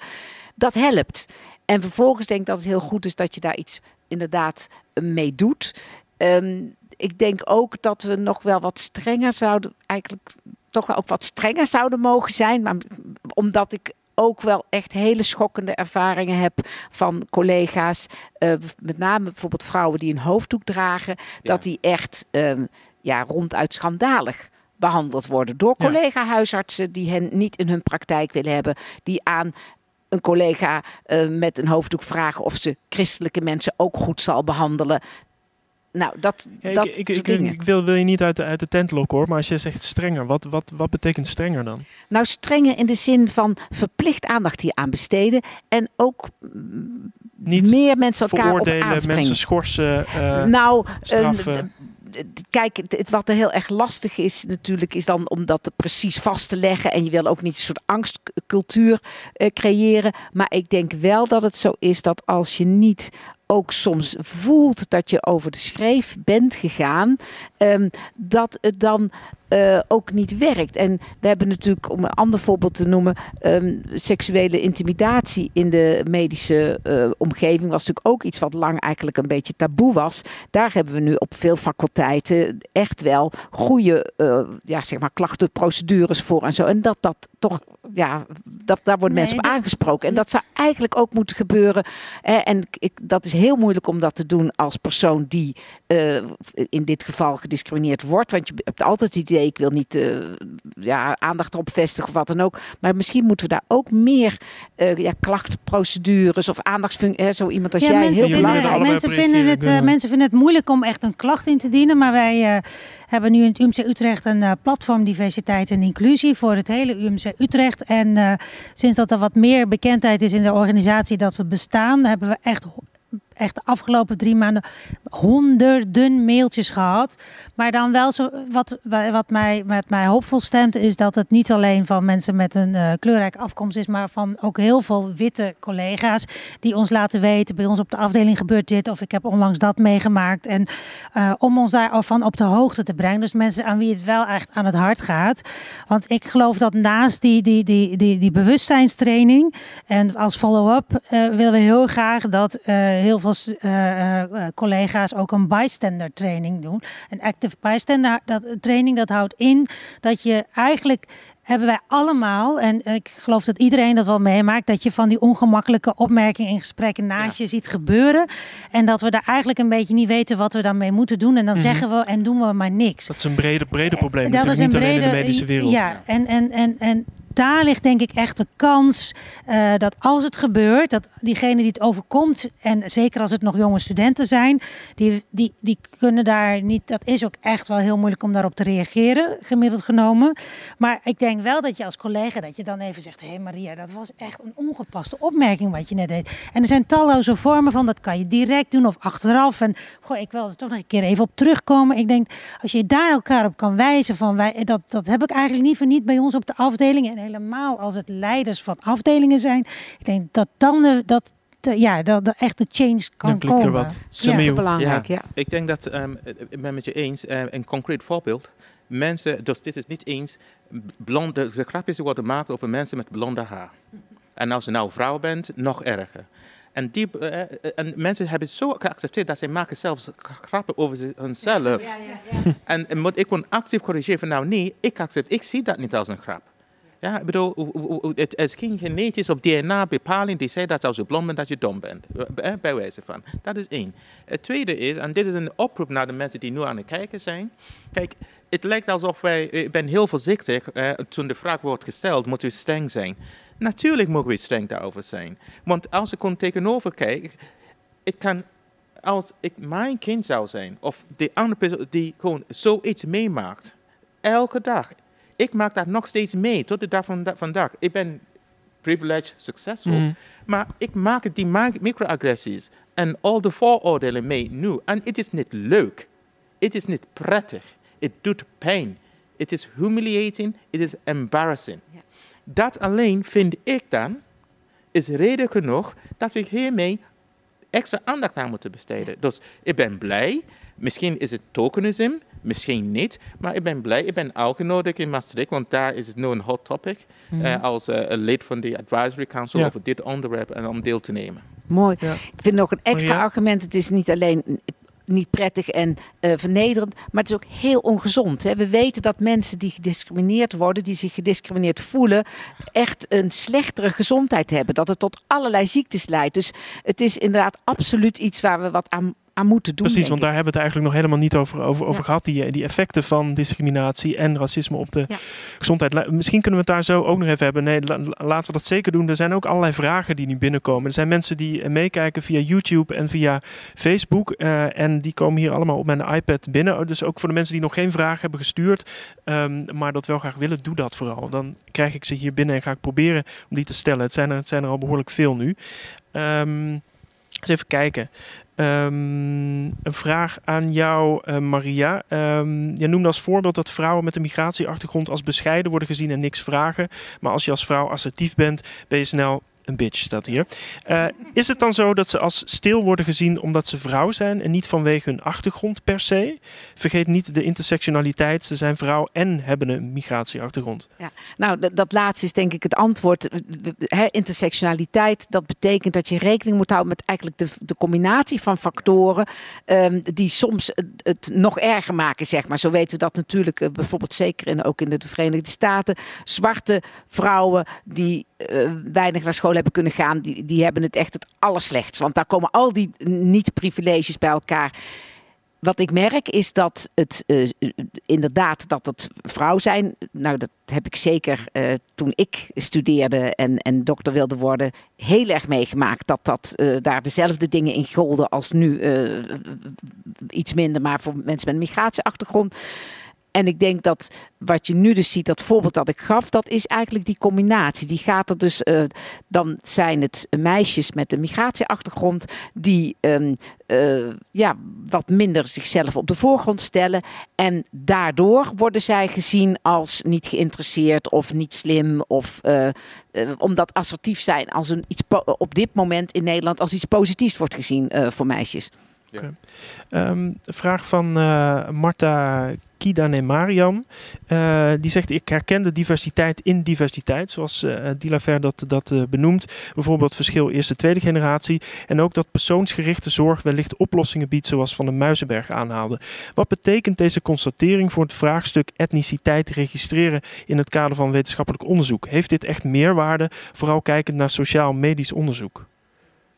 Ja, ik denk dat het meerwaarde heeft, omdat het als inderdaad heel duidelijk als een factor wordt meegenomen. En inderdaad, dus niet dan alles daaraan op, opgehangen wordt, maar net zo goed als je probeert in je. Kijk, elk wetenschappelijk onderzoek zou eigenlijk een afspiegeling moeten zijn van de populatie waar het onderwerp over gaat. Dus als het iets is wat mensen van alle leeftijd en alle genders en alle etniciteiten betreft, dan moet je ook die allemaal in jouw onderzoek hebben.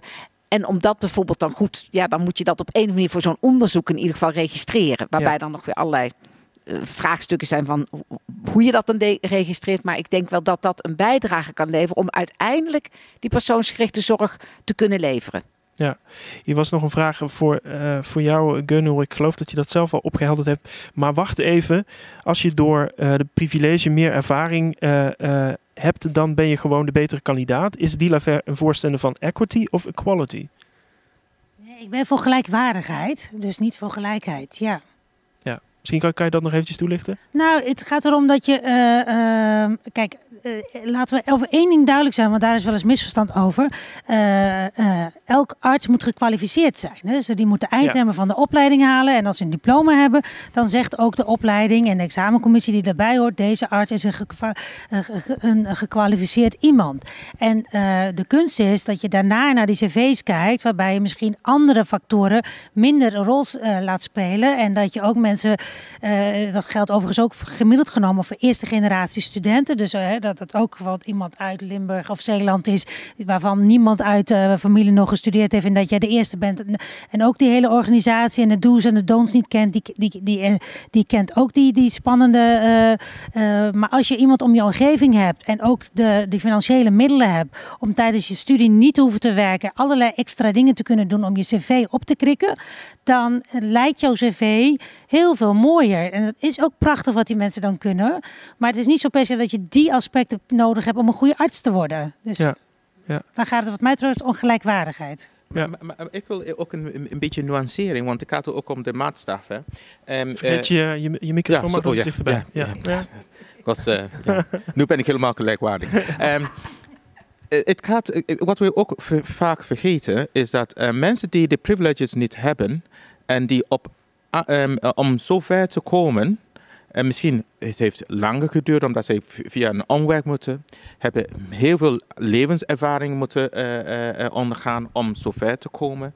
En dan vervolgens het moment dat je gewoon uh, um, dat uh, um, um, oordeel kan maken of ze nou gekwalificeerd uh, bent van, om opgeleid te worden of in een bepaalde specialisatie in te gaan, we gebruiken de verkeerde maatstaffen. en als ik de verkeerde, de, de, de verkeerde maatstaf gebruik voor, bij iemand, als wij zeggen een aap, een olifant, een jongen, en we geven allemaal een meetlint om te gaan meten, dan weten wij dat sommige mensen per definitie kan, kan, um, kan, niet halen. Dus ik denk dat we rekening moeten houden en um, er moeten ook you know, meten man manieren om de andere ervaringen dat mensen hebben gemaakt, om die te meten en te, en te kwantificeren. Want die mensen iemand die zo ver is gekomen, heeft bepaalde kwaliteiten. Mm. Die wordt niet meegenomen met de huidige uh, beoordeelsysteem. Ja, als ik daarop mag aanvullen, is, kijk, het is ook eh, met, uh, ten aanzien van vrouwen is hier natuurlijk al jarenlang ervaring mee en, en, en is het heel erg helder. Hè? Bijvoorbeeld met de hoogleraarsbenoemingen. Als in zo'n benoemingscommissie alleen maar mannen zit, dan zijn, daar is echt heel veel onderzoek naar gedaan. Dan, en dat doen die mannen helemaal niet bewust. Dan kijken die naar kwaliteit en eigenschappen proberen uh, de benoemingscommissie te herkennen die ze uh, zelf ook hebben en die ze dan waarderen als uh, om te kwalificeren voor zo'n hoogleraarsbenoeming.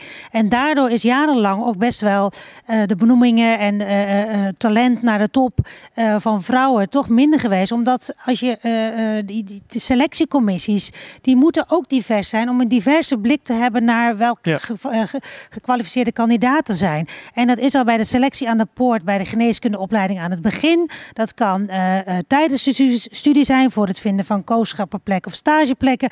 En dat gaat door naar uh, wanneer je op zoek bent naar banen. Ja. Want daar gebeurt het nog wel veel. Dat, we moeten iedere keer nadenken, hey, wie is de selectiecommissie? Hebben we alle bias eruit? Hebben we verschillende perspectieven? en dan kijken naar de, de diversiteit kandidaten. dus. Ja, Ik, ik heb een, een, vraag die, die daarop aansluit van uh, Stephanie Krips. Uh, zeg, wat wordt er concreet gedaan om ervoor te zorgen dat er afgestudeerden met een ander etnisch profiel gelijke kans maken op een specialisatieplek bij bijvoorbeeld chirurgie uh, en, en, dus om diversiteit te, te, te bewerkstelligen? Ja, Jamil, ja. ga, ga je gang. Ja, jullie kunnen het allebei, maar ga. Ja, ja nou, ik... ik um, um, dat is een reëel probleem. Als we kon kijken, is een recent een, door een aantal um, jonge specialisten van uh, Antilliaanse komaf in medisch contact niet zo lang geleden, um, hebben zij hun zorgen geuit. Dat een, um, kijk, de Antillen is onderdeel van het Nederlands Koninkrijk. En we weten dat daar in op die eiland heb je ook medisch specialisten nodig. Maar de momenten, en over de leaking pipeline en, en privileges, als die jongeren daar, um, uh, als zij een um, geneeskundeopleiding moeten volgen, moeten meestal naar Nederland komen. Heel veel van hen, tot het moment dat ze hier op Nederland uh, komen, hebben nooit kennis gemaakt met de Nederlandse systemen. Ze lopen een achterstand, ze kennen de wegen en dan moeten ze geneeskunde moeten komen studeren. Ze hebben een totaal andere cultuur.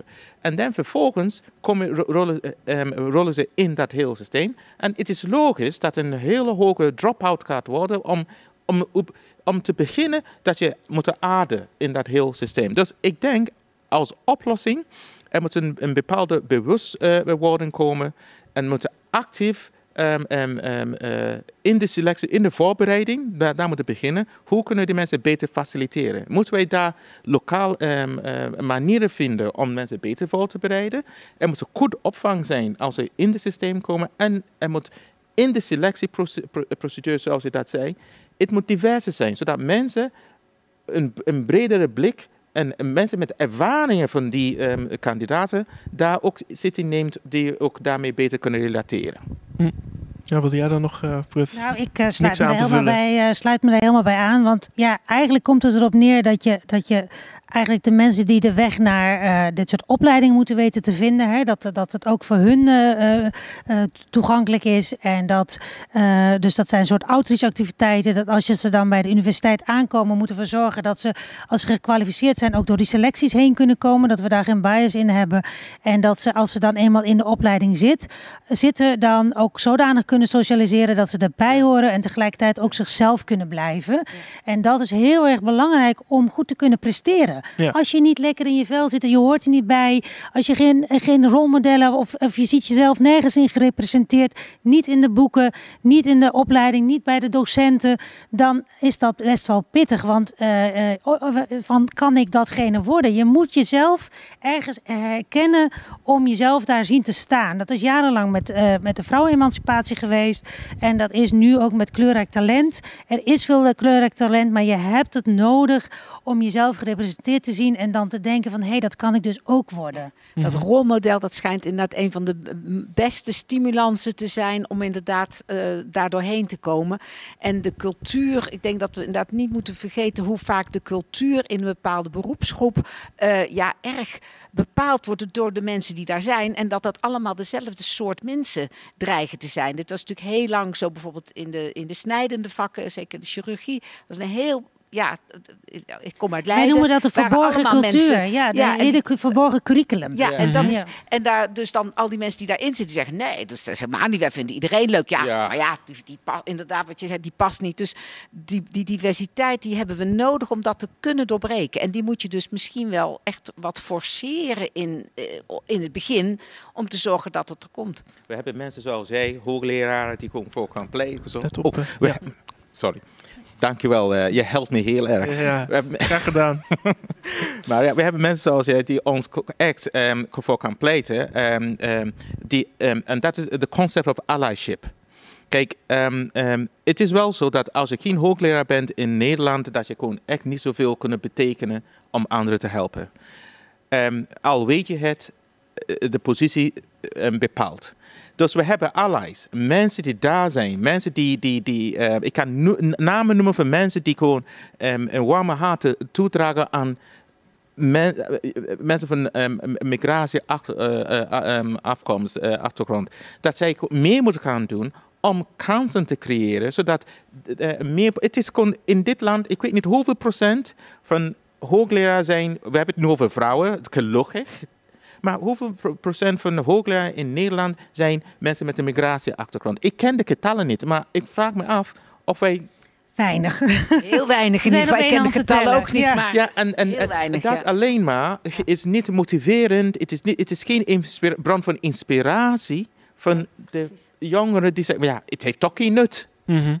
Maar wat ik, het, is, het is noodzakelijk voor goede gezondheidszorg. Het is, ik wil wel een onderzoek aanhalen. Collega's gewoon pure biomedische, fundamenteel onderzoek zelfs.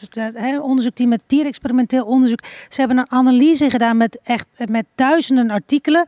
Als daar een vrouw op stond die eerste of laatste auteur was, dan is in de onderzoeksdesign ook met dierexperimenten vrouwelijke uh, muizen, in dit geval was het ook met veel muizen of, of, of cellijnen, dan is daarover nagedacht was eerste en oudste laatste auteur, dat zijn belangrijke posities op een artikel. Hmm. Was dat geen vrouw, dan was daar statistisch significant uh, man-vrouw verschillen in meegenomen. Dus het is, als er dus een, een, een, een blijkbaar dus een, een, een, vrouwelijke perspectief is, dan denken ze, hé, hey, maar wacht eens even, misschien moeten we in het onderzoek ook kijken naar de, hoe het bij de vrouwen is. En dat je die niet zomaar kan extrapoleren. Want eh, zowel onze, onze, hormoonhuishouding, als het, hoe, de, hoe de verschillende organen ontwikkeld zijn, ook ons brein, dat is echt allemaal anders dan, uh, dan uh, van de man. Dus je moet ook uh, daar goed over nadenken, ook in het onderzoeksdesign daarin meenemen. Of je nou medicijnen test of noem maar ook. En, en, en dat onderzoek laat heel duidelijk zien dat je die diversiteitsperspectieven nodig hebt om het überhaupt soms over even bij stil te staan. Want we hebben een bias. Ja. Je krijgt er gewoon beter, beter onderzoek van. Misschien Iets, iets wat daar, daar, daarop aanhaakt. Dat is een opmerking van Charlie Obihara. Die zegt, het is ook belangrijk dat de redacties van Nederlandse tijdschriften, onder andere NTVG dit, onder, dit onderwerp niet ontkennen, uh, terwijl de Lancet en andere internationale medische tijdschriften er editorials aan, aan besteden. Het gaat natuurlijk ook daarover. Ja, dit is, uh, vind ik een beetje grappig, omdat ik net bezig ben met een artikel te schrijven waarvan ik graag zou willen dat het in het NTVG wordt opgenomen. dat gaat over het verschil, etnische verschillen en hoe we dat zouden moeten noemen in de zorg en of we dat zouden moeten benoemen. En ook over implicit bias. En ehm, nou, ik hoop dat, dat inderdaad dat gaat lukken. Maar we zien dat daar dus het uh, kennelijk wel uh, niet makkelijk wordt gevonden om over dit onderwerp iets te schrijven. Er heeft wel een interessante discussie overigens in dat tijdschrift al plaatsgevonden over of je nou wel of niet inderdaad dat onderscheid moet maken. Hè, omdat uh, in een aantal richtlijnen in Nederland waarin iets werd toegeschreven aan etniciteit, terwijl dat eigenlijk te maken heeft met spiermassa. Hè. Dat ja. was dus een verkeerd voorbeeld van een etnische verschil. Een, dus een, daar is wel een, aandacht voor. Maar ja. ik zou erg hopen dat ook juist het onderwerp van de witte blik en de onbewuste discriminatie aandacht zou krijgen in de tijd. Nou, dat, dat, dat, voorbeeld is wel interessant om, om uit te nemen, want dat was eigenlijk een voorbeeld van racistische wetenschap. Ja. Uh, nou ja, in ieder geval een, onderzoek uit, uit Amerika dat hier werd, werd, werd overgenomen, waar eigenlijk het, het begrip ras in één keer weer in het leven werd, werd, werd geroepen en dat dat een belangrijke categorie was. Misschien kun je daar iets over vertellen nou, over dit onderzoek. Dat is een beetje het, eh, het, het ongelukkige is dat we in, uh, voor medische richtlijnen wordt altijd gezocht naar wetenschappelijk onderzoek wat uh, ja, ondersteunt dat je iets wel of niet moet doen.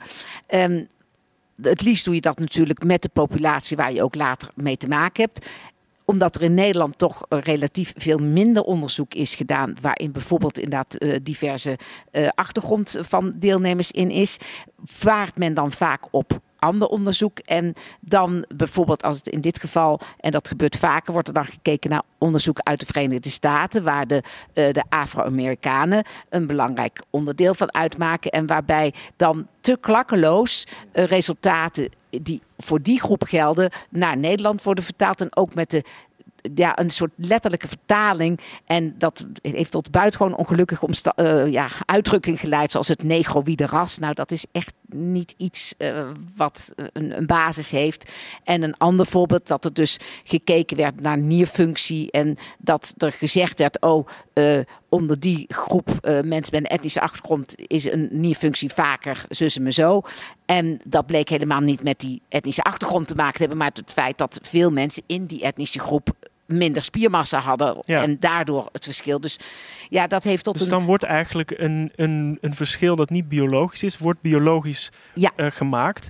Uh, en het, ja, het sluit een beetje aan bij de vraag van, van Kassa. Die zegt, speelt de focus op huidskleur niet juist racisme in de hand? Nou, in dit geval... Ja, nou, dat, dat is... Dat, ja, ik denk inderdaad dat, we, wat we net al zeiden, daar moet je natuurlijk voor uitkijken. Alleen het is niet zo dat als we het er niet over hebben, het er niet is. Precies. En eh, we hebben net al genoeg ja. voorbeelden geho gehoord dat uh, jammer genoeg inderdaad huidskleur echt iets is waar verschil naar gemaakt wordt, onbewust en op een negatieve manier. Ja. Op het moment dat je bewust kijkt naar ook eventuele uh, biologische of etnische verschillen en dan vervolgens die stap maakt van oké, maar dat betekent niet dat alles wat er met deze persoon aan de hand is gerelateerd is aan zijn huidskleur. Maar het is één van de vele uh, aspecten die je mee moet nemen als arts, dan denk ik dat het echt juist goed is dat we de aandacht aan besteden. Volgens mij, daarop, ja, ja, jullie, jullie allebei.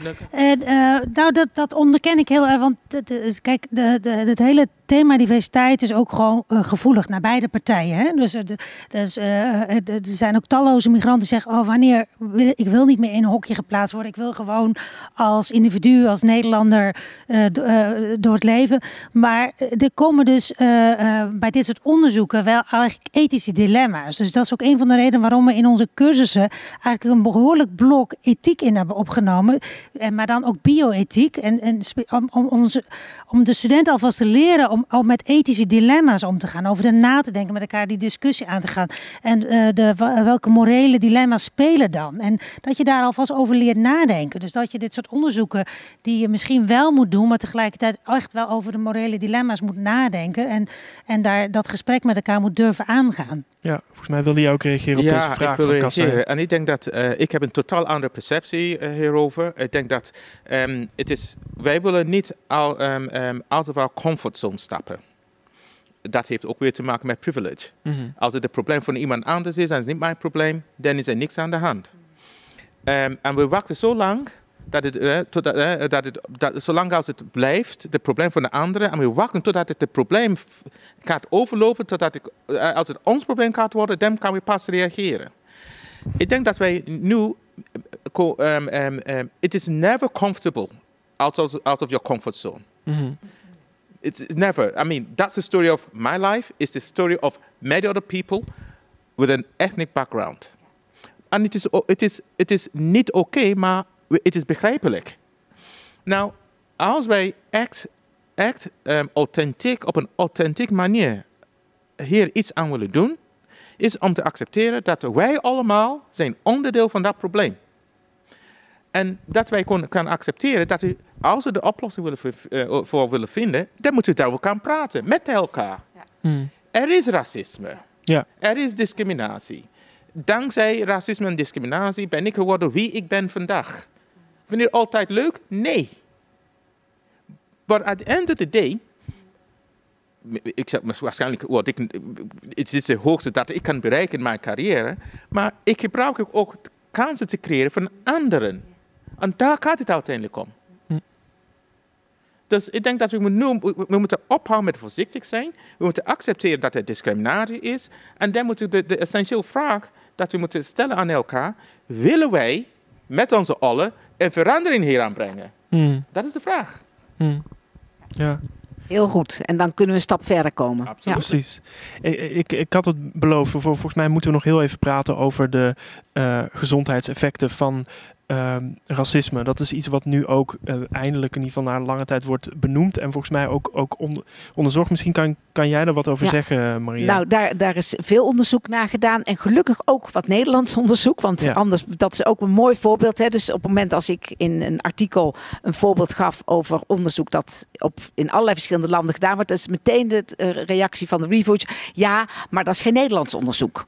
En Ja. zelfs dat niet zeggen als ik iets over suikerziekte zou schrijven. Maar goed, even dat daar gelaten. Ook in Nederland is onderzoek gedaan dat mensen die discriminatie ervaren, ehm, een grotere kans hebben op hoge bloeddruk, een grotere kans hebben op een aantal ernstige psychische ziekten. En we weten dat in ehm, dat, dat zeg maar het structureel en vanaf jongs af aan en in je hele leven ervaren van uitsluiting en discriminatie zelfs ook veranderingen kan veroorzaken in je genetisch materiaal, waardoor ehm, je veel vroeger veroudert. Dus Hmm. het is echt iets wat heel ongezond is. En dan wordt er meteen altijd, eh, krijg ik dan het kritiek, ja, maar nou heb je het over ervaren discriminatie, maar dat, dat, ja, dan weet je toch niet of het echt zo is. Maar ja, dat is nou echt wel het geval dat als je het ervaart, dan is het ongezond. En het doet er dan helemaal niet toe wat de bedoeling was van degene die eh, het je aangedaan heeft. En-? Eén ding dat ik zei tegen mensen. Als je als iemand, het maakt niet uit of je nou een kleurling of misschien ben je een, een moslima of een jood of een eh, eh, lesbisch. Of, als iemand zich zegt, eh, zei van nou, ik voel mij gediscrimineerd, ik voel mij niet ehm, eerlijk behandeld in een situatie. Het is niet, het is niet correct van de partij, de andere partij, om te gaan zeggen, nou dat is niet waar. Dat is Mhm. disrespect. Mhm. Dus als iemand dat ervaart, de ontvanger van de, dan de, de minste dat we kunnen doen is te erkennen. Ja. Te vragen van, hé, hey, hoe komt dat dan? Heb ik daaraan bijgedragen? Wat maakt het dat je je zo voelt? En eh, heb ik wel eens iets gezegd wat jou kwetst? Weet je, dat soort gesprekken met elkaar aangaan. Toch dat, dat durven. En inderdaad niet, eh, niet belachelijk maken of eh weglachen als een grapje of, of eh, Ja. dat soort zaken. Maar ja. is, is, is dit dus ook, want al- al- als je zegt dat dat dus echt ne- negatieve gezondheidseffecten heeft, dan dat betekent dat ook dat, dat huisartsen, die vaak nou ja, de eerste zijn die, die hun die patiënten spreken, dat die daar ook voor moeten hebben. Dat, dat bepaalde klachten die patiënten hebben, dat die daardoor eh, kunnen komen. Ja, dat is al- algemeen zo dat huisartsen oog moeten hebben. Dat deels hebben, maar huisartsen hebben ook heel erg hun blinde vlekken. Dat er veel van dit soort omstandigheden, discriminatie hebben we het nu over, maar iets anders is bijvoorbeeld dat huisartsen ook moet weten dat als je weinig geld hebt, als je schulden hebt, eh, waardoor je stress hebt, als je eenzaam bent, al dat soort sociale factoren die hebben een enorme invloed op je gezondheid. Sterker nog, die zijn eigenlijk de oorzaken ervan dat er zulke grote verschillen zijn in gezondheid, eh, sociaal-economische verschillen tussen mensen met eh, weinig geld, veel geld, weinig opleiding, veel opleiding, migratieachtergrond of niet. Dus daar moeten we zeker oog voor hebben. En we zouden er ook veel beter naar moeten vragen. Hè? En zeker inderdaad als het mensen van kleur zijn, dan is het belangrijk dat je weet dat de kans bestaat dat mensen sterf- behoorlijk groot is, dat ze ervaring hebben met discriminatie en dat dat invloed kan hebben op hun gezondheid. Het is, het is tijd voor de laatste vraag. Uh, die is van Ivo Aben Mondriaan. Misschien nou ja, een vraag die al op, op verschillende manieren is, is, is beantwoord. Maar ik zou toch voor jullie alle drie graag nog even in het kort een antwoord op deze vraag willen horen. Hoe bevorderen we het respecteren van de ander en kunnen we waardeoordelen tegengaan? Gunnu? Jouw korte antwoord? Ja, nou weet je, we moeten op drie fronten tegelijkertijd werken en dat versterkt elkaar. We moeten, uh, ik zeg dat in het Engels, uh, fixing the uh, knowledge. Hè. We moeten onze kennis ten aanzien van diversiteit en de meerwaarde van diversiteit met z'n allen erkennen. We moeten fixing the institution, de organisaties waarin we werken, die moeten meer diversiteitssensitief worden. En fixing the numbers. We moeten ook een redelijk aantal, een afspiegeling van de samenleving zijn, zodat de samenleving in organisaties en in uh, uh, in kennis uh, terugkomt. En die drie samen, die, die versterkt elkaar. En dan hoop ik dat we een heel eind komen. Dankjewel. Jamil, hoe, hoe bevorderen we het, het respecteren van de ander en kunnen we waardeoordelen tegengaan? Ik denk dat uh, mijn collega Ivo Aben uh, begrijpt hoe ik daarover denk. um, um, in aanv op, aanvulling op wat jij zei, um, we hebben allies nodig. Dit kunnen we niet alleen. Het moet niet alleen maar de mensen met kleur, de mensen in, in, um, in achterstandwijken die hun eigen uh, verhaal moeten blijven roepen. Maar we hebben mensen die in de posities van privilege van de andere partij, zij moeten ook mee. Een kort voorbeeld, George Floyd. All the protesters were not just black people. All the protesters were not old. They were youngsters. Mm. All the protesters were mixed. That is the message, allyship. Mm. Maria? Nou, met al deze dingen ben ik het hardgrondig eens. En daarnaast denk ik dus in de zorg dat uh, we in de opleiding met name, want daar begint het allemaal. Maar ook in het aanspreken van elkaar. Dat vond ik een hele goed wat jij ook die cursus daar gaat doen. Dat je leert elkaar aanspreken. En dat je altijd de persoon tegen je over moet zien als mens. En moet nagaan, nieuwsgierig moet zijn naar wat is dit voor iemand. En op wat voor manier kan ik mij daartoe verhouden. En bewust zijn van je eigen uh, ja, je eigen omstandigheden, je eigen privilege. Ik denk als we algemeen op die manier met elkaar omgaan, dan ga je ook beter om zeg maar, met het niet discrimineren en met het proberen te zorgen dat je mensen zo behandelt zoals jij eigenlijk ook behandeld zou willen worden. Ja.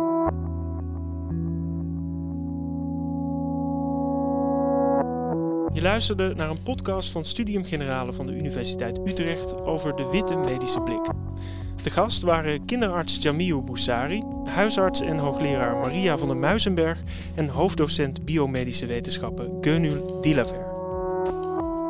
Benieuwd naar meer afleveringen? Ga naar sg.uu.nl/podcast of abonneer je op je favoriete platform.